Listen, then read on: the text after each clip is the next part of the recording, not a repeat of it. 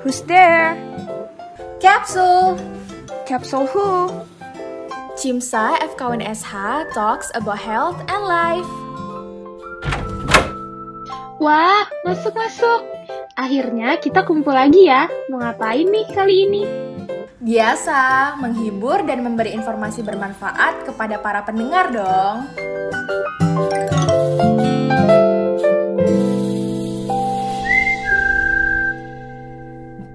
Terus-terus nih kalau udah ngomongin wajar atau enggak ngerasa insecure, udah panjang banget obrolan kita tentang insecure, tapi kita lupa nih kayaknya nih ngomongin cara ngehandle-nya. Nih pasti banyak dong ya cara-cara kita ngehandle-nya. Coba kita tanya dulu dari Dela. Yuk pertama lagi. Ah, Assalamualaikum, saya lagi ya. Ya, ayo ngomong yuk cara ngehandle insecure. Dela? Tunggal Zurahma. Betul. Cara menghandle insecure ala Dela Zu. Asik. Oke, pertama. em, aku mungkin bahas yang insecure yang satu aja ya, yang insecure tentang muka aku gitu ya. Nah, Oke. kalau misalnya menurut aku pribadi, itu kan aku kan merasa insecure gara-gara tadi kan, kayak eh kayaknya aku tidak fit beauty standarnya Indonesia gitu. Tapi sebenarnya teman-teman gitu, beauty standard itu bullshit, ngerti tidak? Betul. Sebenarnya beauty- Makanya tadi itu sebenarnya tidak ada teman-teman. Sebenarnya gitu. beauty standar yang lo maksud Kita sendiri yang kayak buat. apa gitu. Yes, Sebenarnya beauty standard benar. sendiri nggak sih yang buat? Ha-ha, bener banget gitu. Jadi sebenarnya beauty standar itu bullshit dan tidak ada teman-teman. Semua orang itu beautiful, nggak ada yang namanya beauty standar. Tapi kalau kita kita ngomong tentang kebu kebullshitan beauty standar sekarang, ini bakal jadi episode satu lagi ya gitu. Panjang Jadi nanti. teman-teman, kalau misalnya mau kita bahas tentang beauty standard, boleh nih di DM Boleh aja di banget. Instagram Boleh Cinta Uin gitu ya. Oh, Kak kami mau dong dibahas tentang beauty standard nanti kita bahas gitu. Tapi kita nggak bisa bahas sekarang karena nanti kepanjangan gitu kalau kita bahas kebullshitan beauty standard. Tapi gitu. Jadi apa ya kalau misalnya menurut aku pribadi cara aku menghandle gimana sih uh, uh, aku menghandle si ketidakpercayaan diriku terhadap mukaku gitu ya. Nah, itu tuh benar-benar pertama adalah sering-sering nonton kalau misalnya aku ya, sering-sering uh, nonton, baca gitu ya, nonton video tentang insecurities, baca uh, baca apa ya, baca tentang cara-cara menghandle insecurities gitu. Apalagi insecure aku tentang fisik aku benar-benar kalau misalnya kalian kan banyak tuh di YouTube kayak um, tentang apa ya video-video tentang beauty standar gitu-gitu. Nah, itu tuh benar-benar menyadarkan aku bahwasanya aku tuh insecure pada sesuatu hal yang bodoh sebenarnya gitu ngerti gak sih? Nah itu tuh bener-bener apa ya bener-bener bener-bener memacu kita untuk berpikir gitu ya. Uh, jadi teman-teman boleh sering-sering nonton video video motivasi gitu ya atau baca-baca gitu tentang insecurities kalian gitu. Terus kalau misalnya aku pribadi itu uh, kalian tahu ini gak sih kayak um, uh, sering-sering bohong ke diri sendiri gitu ngerti gak sih? Benar, Jadi benar. kalau misalnya tuh, setiap Del? ngelihat kaca gitu ya, jangan bilang, aduh gue jelek banget gitu. Kayak walaupun kalian merasa tidak apa ya, tidak sesuai dengan apa yang kalian mau gitu ya hari itu, tapi kalian harus tetap positive thinking gitu, walaupun itu bohong gitu. Jadi setiap ngaca tuh, ini kelihatan, eh ini terdengar aneh ya, terdengar lucu, tapi kalau misalnya di aku benar-benar bekerja gitu, ini benar-benar works gitu. Jadi setiap kalian ngaca, bilang ke diri kalian sendiri kayak, wah gue cantik banget, gue cantik banget gitu. Walaupun itu bohong gitu. Kalian harus tetap melakukan itu sampai diri kalian sendiri menyadari bahwasanya ternyata kalian tuh cantik, beneran cantik gitu. Nah itu Eh, apa ya istilahnya tuh kayak sugesti positif gitu ya, sugesti positif ke diri kita sendiri gitu. Karena memang eh kalau misalnya bukan kita yang meyakinkan diri kita sendiri, nggak ada orang lain yang bakal meyakinkan kita gitu. Tapi emang itu tuh kerja di aku. Jadi setiap ngaca bilang, ah, oh cantik banget, aku gue cantik banget, gue cantik banget. Nanti kalian akan merasa merasakan sendiri kayak gimana kalian berubah gitu. Maksudnya kayak apa ya kayak cara kalian melihat diri kalian sendiri itu bakal berubah. Padahal langkahnya adalah cuman berbohong ke diri sendiri. Langkahnya cuman kalian berikan sugesti baik kepada diri kalian itu kerja banget di aku. Terus terus em, kayak tadi aku bilang kayak em, apa ya? Eh, ini sebenarnya bukan coping mechanism yang baik juga, tapi eh, sedikit membantu gitu ya. Nah, Uh, misalnya kalau kalau aku karena aku insecure sama uh, fisik aku jadi kayak kalau misalnya take a selfie nggak apa-apa. Kalau misalnya menurut aku pribadi ya nggak apa-apa pakai filter Instagram gitu. Nggak apa-apa pakai filter gitu. Seenggaknya kalian punya waktu di mana kalian merasa cantik gitu. Jadi kalian tidak benar-benar membenci diri kalian sendiri gitu. Ngerti nggak sih? Hmm. gitu. Jadi uh, Uh, jadi nggak apa-apa pakai filter gitu. Jadi di situ kalian bisa menyadari bahwa oh aku bisa kok cantik gitu sebenarnya. Toh nih lihat nih buktinya pakai filter cantik. Walaupun pakai filter tapi kalian cantik gitu. Benar. Kita nggak usah bahas tentang pakai filter atau tidak. Kita bahas tentang kalian merasa diri kalian cantik atau tidak seperti itu. Jadi hmm. Eh, nggak uh, apa-apa kalau menurut aku kalian mau pakai filter gitu. Uh, karena kalau misalnya aku pribadi ya dengan aku pakai filter Instagram aku jadi lebih jauh lebih percaya diri untuk expose diri aku gitu ya. Jadi awal awalnya kayak karena insecure sama fisik aku insecure sama muka aku aku nggak mau expose diri aku sendiri aku nggak nggak bisa berekspresi gitu di sosial media. Tapi karena sekarang udah ada filter Instagram jadi aku uh, mulai berani gitu ya buat show up di sosial media, buat berani buat berekspresi di sosial media, walaupun ada pakai filter Instagram, tapi nggak apa-apa teman-teman, seenggaknya kalian udah step forward gitu ngerti gak sih? Udah satu langkah di depan gitu yang awalnya nggak berani uh, sama sekali nunjukin wajah kalian ke sosial media sekarang udah mulai berani gitu. Kita kita tuh apa ya coping mekanismenya uh, mengatasinya itu sedikit demi sedikit gitu teman-teman. Nggak nggak apa-apa nggak langsung nggak langsung oh gue berani nih bare face di depan sosial media. Nggak apa-apa nggak langsung kayak gitu. Kalian mulai sedikit demi sedikit itu nggak apa-apa banget teman-teman. Yang penting kita ada usaha untuk mengatasi insecurities kita. Seperti itu Yap, keren-keren Del. Keren banget ya sih, kayak kalian juga bisa tuh maksudnya uh, memperagakan hal itu ya ke diri kalian kalau kalian ngerasain insecure yang sama, ya nggak sih? Benar-benar. Nih, ngomong-ngomong insecure lagi, coba Kae boleh diceritain gimana cara ngehandle versi Kae? masih belajar juga, tapi what I did please surround yourself with good people. Kayak kalau kalau misalnya kalian nggak punya sahabat nggak punya orang-orang yang positif uh, kasih positif vibes kasih afirmasi positif kayak man lo bakal ngerasa lonely banget. Kayak di tengah semua orang yang sibuk sendiri-sendiri kalau nggak punya at least satu orang aja yang selalu apa ya yang selalu nerima lo mau lo muka bangun tidur kayak mau lo lagi in your lowest point. Yang penting please punya satu aja orang yang baik buat diri kalian gitu yang bisa ngebantu kalian juga buat grow dan nggak di situ-situ aja gitu. Insecurity itu kayak yang Cica tadi bilang gitu itu tuh trigger gitu. Tapi gimana kita face that insecurity nanti menjadi apa gitu. Kalau misalnya kalian insecure terus kayak you can handle that sampai kayak maaf sampai kayak depres gitu mungkin itu salah satu alasan karena kalian belum atau tidak punya orang yang kayak ngebantu buat pupuk kalian gitu loh kalau kalian lagi butuh. Dan yang kedua kalau aku udah ngerasa wah ini orang keren banget tapi kok gue enggak?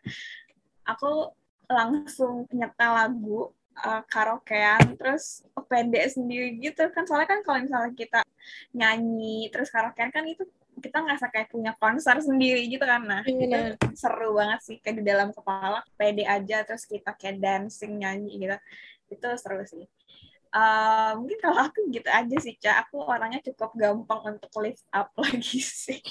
kalau Cica gimana, Ca? Kalau aku sama sih sebenarnya ya Ya, sebenarnya diomongin semua sih ya. Karena kayak kita juga masih memproses nggak sih? Kita masih butuh proses untuk menerima semuanya karena itu tidak mudah ya. Butuh proses yang panjang untuk bisa terima diri sendiri segala yes. Karena ya itu yang namanya proses ya. Jadi butuh langkah-langkah kecil nggak sih? Jadi kalau kalian tuh ya ini rada rada banyak quotes-nya nih dilihat-lihat omongan aku ntar. Jadi kayak buat aku ngehandle insecure aku, aku suka banget buka uh, salah satu akun Instagram.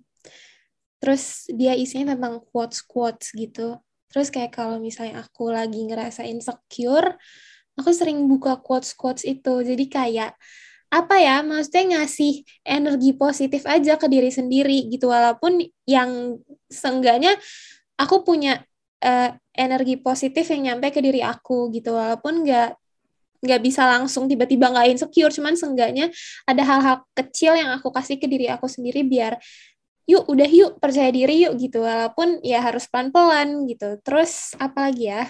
Buat ngehandle karena masih dalam tahap memproses uh, aku sering banget dikasih tahu ya sama keluarga aku sama kakak aku sih lebih tepatnya gitu ya uh, dia selalu bilang kalau misalnya aku lagi insecure dia selalu bilang uh, kita harus bisa uh, jadi sahabat buat diri sendiri.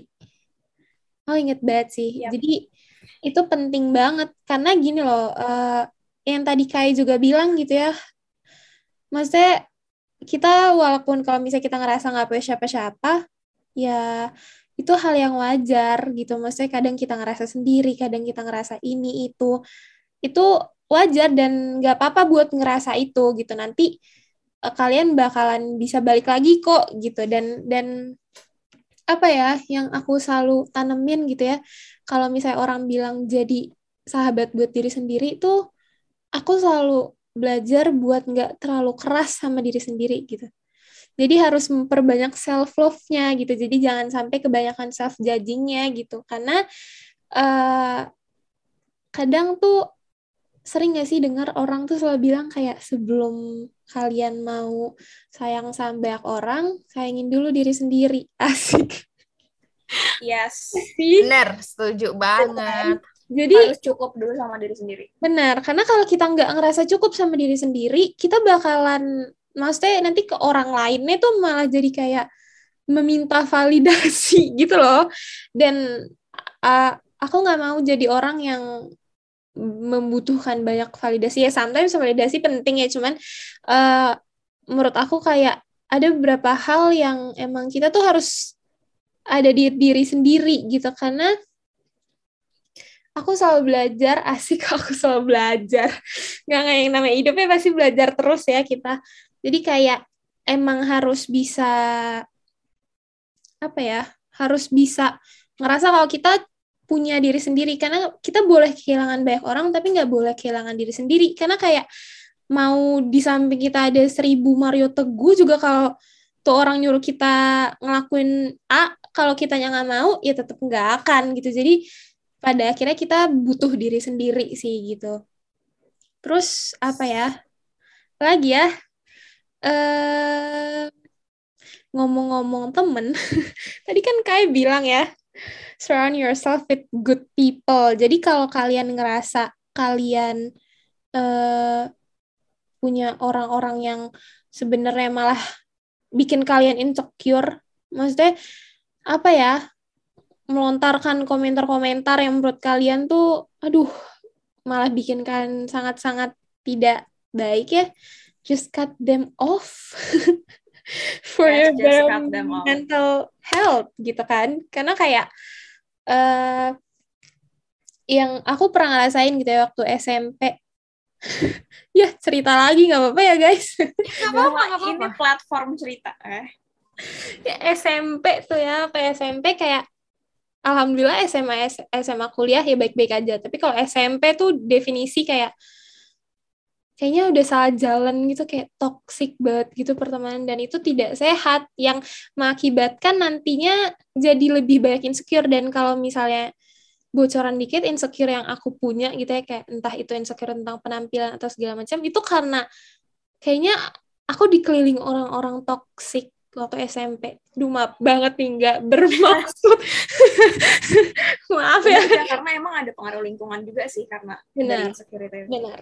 Tapi mau nggak mau, uh, I still thankful karena teman-teman SMA dan kuliah aku sangat-sangat termasuk kalian teman-teman kuliah dan teman-teman SMA aku tuh alhamdulillah gak ada yang toxic jadi kayak bisa mengurangi uh, insecure karena penting banget sih kalau kalian punya orang di samping kalian yang bisa dukung kalian gitu ya. Maksudnya ya seenggaknya uh, kalian ngerasa kalian punya orang itu berguna banget sih buat kalian bisa cerita apa pun walaupun kita nggak boleh ya tergantung sama orang lain kayaknya rada belibet omongan aku jadi tapi gitu aja sih cara ngehandle-nya guys tidak ada cara lain We got your point, Cica.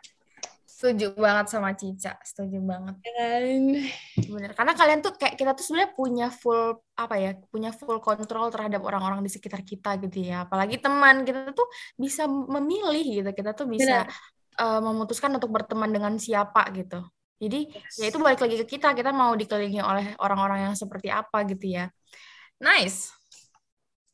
setuju lanjut Oke, jadi kita kan sebelumnya itu sudah udah bikin question box gitu ya di Insta story-nya at Cimsauin buat teman-teman yang kemarin nggak kebagian ngisi gitu ya, jangan sedih. Nanti ke depannya kita pasti bikin lagi. Nah, di sini aku mau bacain beberapa. Nah, jadi eh, dari question box itu teman-teman udah ada yang sharing-sharing nih tentang insecurities-nya. Aku baca satu dulu ya. Oke, jadi ini ada yang bilang aku punya eating disorder gitu dulunya. Eh, jadi dia insecure sama eh, how bisa kayak da, gimana dia kayak apa ya dia insecure sama tubuhnya lah gitu ya.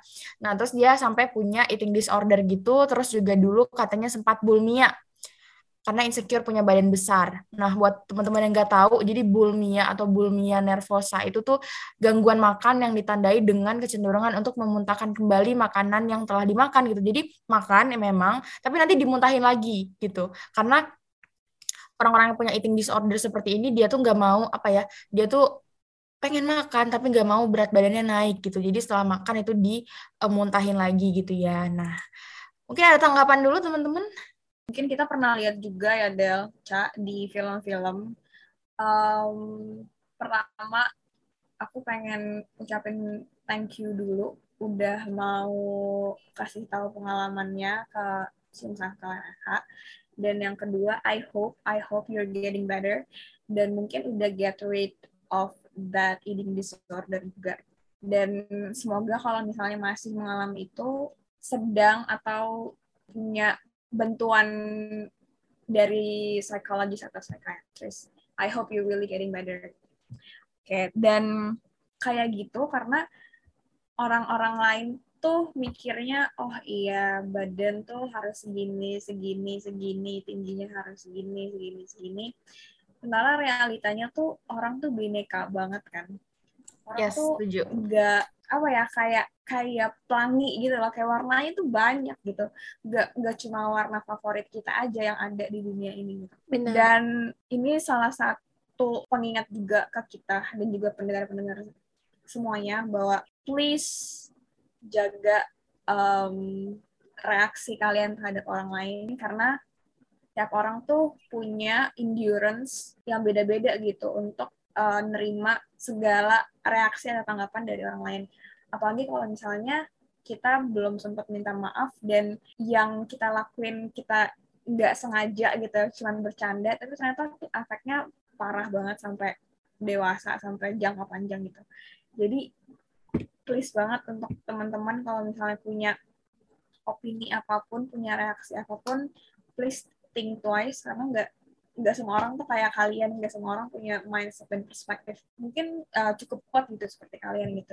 Jangan terlalu mudah untuk mereaksikan sesuatu. Kalau Cica gimana? Sebenarnya nggak jauh beda sih sama kayak lagi-lagi ya yang insecure eh tadi kan kayak bilang ya eh, pelangi itu warna pelangi nggak cuman nggak cuman tujuh eh pelangi itu tujuh Main itu ini bener cara gitu kan? Pelangi pelangi tujuh. Kalau misalnya gini ya kalau misalnya kalian eh, nggak bisa nih misal eh, fit in terhadap satu hal gitu. Kalian buat gaya diri kalian sendiri aja senyaman kalian dan nggak apa-apa buat beda ya. Gini loh mau kalian punya badan besar kalian punya badan kecil kalian in, gini gitu beda-beda it's life kayak it's okay to be different gitu loh. Dan dan mungkin itu bisa ditanamin juga gitu. Dan nggak apa-apa buat uh, kalian beda gitu. Karena nggak seru nggak sih kalau misalnya di dunia ini cuman orang kurus aja gitu. Kayak semua gendut aja semua ba uh, semua badannya bagus semua kayak kalau misalnya namanya juga bineka tunggal ika ya nggak sih? Kayak apa hubungannya? Tapi kayak kayak berbeda tuh nggak apa-apa guys. Jadi uh, apa pun bentuk kalian kalian harus tahu kalau kalian tuh cantik kalian itu uh, cukup buat diri kalian sendiri. Kalian nggak perlu buat uh, apa ya buat gimana sih ngomongnya? Kayak kalian nggak perlu nih buat bikin orang lain um, ngerasa kalau kalian cantik atau kalian badannya bagus nggak usah gitu cukup buat diri kalian sendiri it's enough for yourself aja dulu karena kalau misalnya kalian udah bisa nerima diri sendiri ya udah orang mau ngomong A B C juga kan nggak akan peduli ya nggak sih yes Benar, kalau dari segi fisik itu kita nggak perlu validitas dari orang lain gitu ngerti nggak sih? Benar. Nah, selama kita nyaman sama diri kita ya udah itu lagian tubuh tubuh kita gitu ya. Orang ya. lain juga tidak punya apa ya tidak punya tanggung jawab atas tubuh kita gitu ya. Jadi nggak perlu validitas dari orang lain kalau misalnya perkara fisik kalian gimana. Iya, yep. betul. Del, Ca, sebenarnya aku mau nambahin, mau stress this up juga. Boleh. Um, mungkin at least aku ya, aku setuju kayak everyone is beautiful, tapi kalau misalnya kalian memang badannya terlalu kecil atau terlalu besar, please uh, jangan kayak take that for granted juga sih. Aku aku orang yang percaya bahwa everyone is beautiful, every shape is beautiful, tapi not every shape is healthy juga gitu. Jadi yeah. salah satu form of self love dan untuk um, get rid of your insecurity juga kalian mesti punya kayak uh, consciousness juga tentang tubuh kalian gitu juga loh. Jadi jadi bukan kayak semata-mata oh ya gue gue cakep kok gue bisa ngapain aja without lihat your health aspects juga mungkin aku mau stress uh, that out aja sih oke okay. tapi benar sih benar-benar buat kesehatan juga nggak sih penting yep. oke okay. mungkin kita lanjut kali ya dari ke, ke responden yang lain ada juga nih yang nulis salah satu responden bilang gini pernah insecure sama instastory orang-orang yang produktif banget sedangkan kita ngerasa belum uh, belum melakukan apa-apa. Hmm. Uh, aku komen dulu ya, kayak dikit ya. Iya, ngomongin tentang insecure sama instastory orang itu aku juga kadang merasakan ya apalagi kalau lagi zaman-zaman ujian kayak ini orang udah belajar nih dilihat-lihat gitu kan cuman balik lagi ya kadang tuh kita bukan kadang kita nggak bisa ngelihat satu hal itu cuma dari satu story, dua story, tiga story. Mungkin ada orang yang uh, bikin uh, story yang merasa diri dia produktif ya udah buat story aja habis itu dia udah nggak ngelakuin itu. Tapi kan ada ya kita nggak nggak nggak tahu cerita orang di belakang situ gitu kan. Tapi yang pasti uh, aku harap um, kita makin bisa mengendalikan diri untuk tidak insecure terhadap orang-orang di sosial media. Karena kan bisa jadi sosial media itu it, uh, kadang platform yang pada akhirnya kalau kita laku kita gunain terlalu berlebihan tuh akhirnya akan menjadi toxic gitu ya buat diri kita sendiri gitu. Jadi uh, buat yang sering ngerasa insecure sama pos-posan orang story-story orang uh, percaya aja kalau misalnya kita juga bisa kayak gitu. Jadiin itu adalah uh, sebuah hal yang uh, positif buat kita kalau misalnya dia lagi belajar, duh dia udah belajar nih, yuk belajar gitu. jadi kayaknya biar jadi acuan buat kita, buat jadi dorongan buat kita juga. Nah, menurut kalian gimana nih? Coba kalau menurut Bella gimana nih tanggapannya tentang respon responden ini? Oke. Okay. Iya, aku setuju banget sama Cica sih tadi sebenarnya. Jadi kayak sosial media dan apa-apa yang orang post di sosial media itu hanya superficial, guys. Kita tidak bisa menilai kehidupan sosi kehidupan asli orang gitu ya dari sosial media. Jadi biar meringankan overthink kita kan ini jatuhnya overthink kan ya karena kayak ngelihat orang-orang produktif kok kita kita belum melakukan apa-apa jadinya overthinking gitu kan jadi buat mengurangi overthinking kita semua kita harus percaya bahwasanya uh, ya kayak tadi gitu jadi tidak semua tidak semua yang orang tampilkan jadi gini yang orang tampilkan di sosial media adalah versi terbaik dari diri mereka gitu ngerti nggak sih? gitu. Ha -ha. jadi biar nggak kita nggak overthink berpacu aja pada berpaku aja pada prinsip itu gitu. Tapi kalau misalnya kalian emang punya suatu kewajiban yang dikerjakan gitu ya kayak tadi ujian terus ngelihat orang lain uh, udah belajar uh, ngupload ke Instastory terus kalian belum belajar itu kan jatuhnya kalian melalaikan kewajibannya Nah, yeah. itu mending bangun pergi tutup HP-nya, matiin HP-nya, pergi belajar sih kata aku gitu. Jadi kalau kalau kalau kewajiban ya. Jadi kalau misalnya kalian um, lihat orang produktif, terus kalian punya kewajiban dan belum melakukan apa-apa untuk apa ya untuk menyelesaikan kewajiban kalian HP-nya dimatiin kewajibannya dikerjain gitu hmm. tapi kalau kalian udah apa ya kayak kewajibannya udah udah terselesaikan semua gitu uh, terus kayak melihat orang kok produktif abis kerjain ini kerjain ini kerjain ini kerjain ini gitu sedangkan kalian sudah selesai mengerjakan apa yang kalian harus kerjakan nggak apa-apa take time to rest itu tuh sangat sangat sangat wajar sangat sangat dibutuhkan gitu jadi nggak apa-apa orang-orang tuh apa ya kayak siklus hidupnya tuh beda-beda. Mungkin hari ini dia sibuk hari ini kita santai. Hari ini kita sibuk besok uh, uh, uh, gimana ya kayak hari ini kita sibuk kayak teman-teman kita besoknya santai gitu. Jadi itu beda-beda uh, siklus uh, istirahat dari siklus sibuknya itu tuh beda-beda gitu. Jadi kayak kayak aku bilang tadi kalau emang kewajiban kalian kerjakan. Kalau emang kewajiban kalian sudah kalian kerjakan dan udah tidak ada lagi yang harus dikerjakan tidak ada yang hal-hal wajib yang harus dikerjakan nggak apa-apa untuk istirahat nggak apa-apa untuk tidak menjadi seproduktif itu tuh nggak apa-apa. Gitu. Tapi ini mungkin terakhir saat sama kali ya kayak aku nih mirip-mirip. Dia bilang katanya sering insecure karena sering banget dibilang pendek kecil kayak anak TK nggak kelihatan kayak anak kuliah dan sebagainya dan ditutup dengan emoji senyum. Ini kayaknya kayak kasus kaya ya. Oke, jadi dia sering insecure karena sering banget dibilang pendek, kecil, kayak anak TK, nggak kelihatan kayak kuliah, kayak anak kuliah dan sebagainya. Ya seperti tadi ya yang sudah kita bicarakan kayak ke tentang tubuh kita itu sebenarnya kita nggak punya apa ya kayak uh, kita um, harusnya ya menerima tubuh kita apa adanya karena tadi juga udah diulang-ulang gitu ya people come with different shapes gitu ya terus juga kita tuh ya semuanya beda-beda nggak mungkin sama semua jadi ya kita harus mulai menerima diri kita sendiri gitu. Terus kayak take positifnya gitu ya kali ya. Jadi dari insecurities kita uh, kita bisa lihat mungkin ada sisi positif dari situ kita harus coba cari gitu ya. Ada nggak sisi positif dari situ gitu.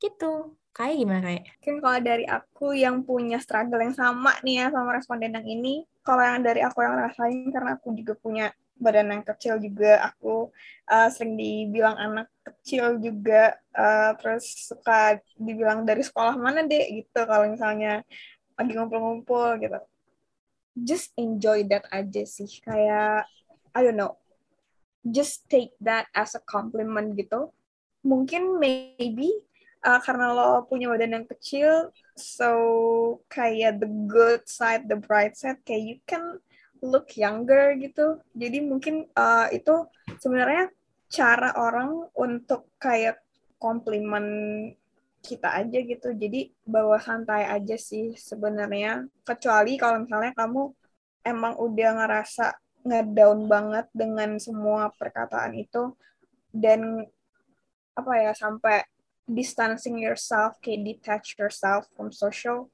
please do contact professional help please be content juga uh, with yourself. Mungkin badan lo kecil tapi kayak you have a big brain gitu terus kayak lo punya big personality itu juga bakal ngangkat yourself banget. Jadi everything is not about just physical.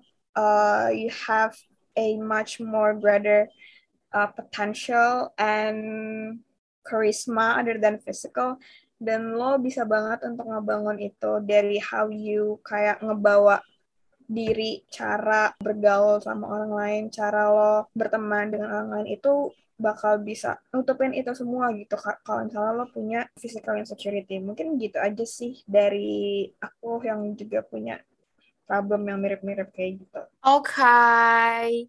Mungkin untuk question box-nya kita cukupkan ya tiga responden Nanti kalau kita bikin lagi question box-nya teman-teman pastiin uh, ketinggalan ya, pastikan mengisi gitu biar kita bisa sharing-sharing lagi di sini. Oke, okay. um, terus tadi kita tuh sebenarnya udah bahas banyak banget gitu ya tentang cara handle insecurities itu gimana. Nah jadi aku mau merangkum semuanya Jadi pertama, untuk mengatasi atau menghandle insecurities itu um, kita harus tingkatkan rasa percaya diri. Karena tadi kan insecurities itu kan uh, apa ya rasa rendah diri gitu ya, rasa tidak percaya diri. Jadi kita uh, harus berusaha untuk meningkatkan rasa percaya diri kita. Kayak tadi kayak bilang, jadi kita harus kayak lihat sisi positif gitu dari diri kita. Jangan hanya melihat sisi negatifnya aja gitu. Jadi kalau misalnya oh dari segi fisik kok aku kayaknya insecure ya gitu. Tapi kita harus cari uh, sisi positifnya. Oh, kalau misalnya dari segi personalities aku gimana gitu. Kalau misalnya dari segi uh, apa ya dari segi brain aku gimana gitu ya tadi kayak kayak bilang tadi jadi kita tuh more than our physical appearance aja gitu. Jadi cari posisi uh, cari uh, sisi positif dari kalian gitu yang bisa mendistract kalian dari insecurities kalian gitu ya. Nah, kemudian kita udah bahas tadi juga, jadi kita harus pilih-pilih lingkungan sama pilih-pilih suasana gitu yang positif buat kita gitu. Karena kita punya uh, apalagi buat teman gitu ya. Jadi uh, buat teman gitu, orang-orang di sekitar kita itu kita bisa milih-milih loh gitu. Kita punya kontrol terhadap hal itu gitu. Jadi pastikan kita memilih teman-teman yang memang bisa membawa dampak positif ke kita gitu. Karena yang ketiga adalah kalau emang ya kalian merasa sosial media itu uh, mulai-mulai mengganggu kalian gitu ya. Kok kayaknya uh, insecuritiesnya datang dari melihat orang-orang di sosial media.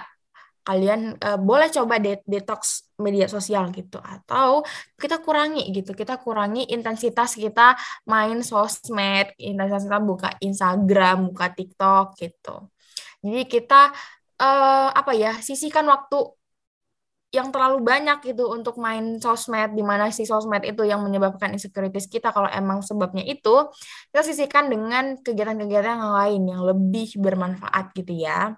Nah, terus yang keempat itu um, jangan lupa untuk ngasih sugesti baik ke diri kalian gitu karena kayak aku bilang tadi kesannya kayak kelihatannya emang kayak kita berbohong ke diri kita sendiri tapi sugesti baik itu benar-benar apa ya benar-benar uh, efeknya tuh kalau yang aku rasakan itu nyata gitu loh. Kayak aku pernah baca pernah baca uh, aku nggak tahu apakah ini benar ada penelitiannya atau enggak ya, tapi kalau nanam tanaman itu terus kalau kalian nanam dua tanaman terus satunya kalian kasih word of affirmation gitu ya kalian omongin yang baik-baik terus satunya lagi tuh kalian omongin yang buruk-buruk itu tuh yang di om, tanaman yang kita berikan word of affirmation itu akan jauh tumbuh lebih baik daripada yang satunya yang kebalikannya gitu ya. Aku nggak tahu ini benar apa enggak, tapi hikmahnya adalah perkataan kita itu uh, apa ya uh, sugesti yang kita berikan gitu walaupun kesannya kita bohong pada diri sendiri itu tuh lama kelamaan kalau tetap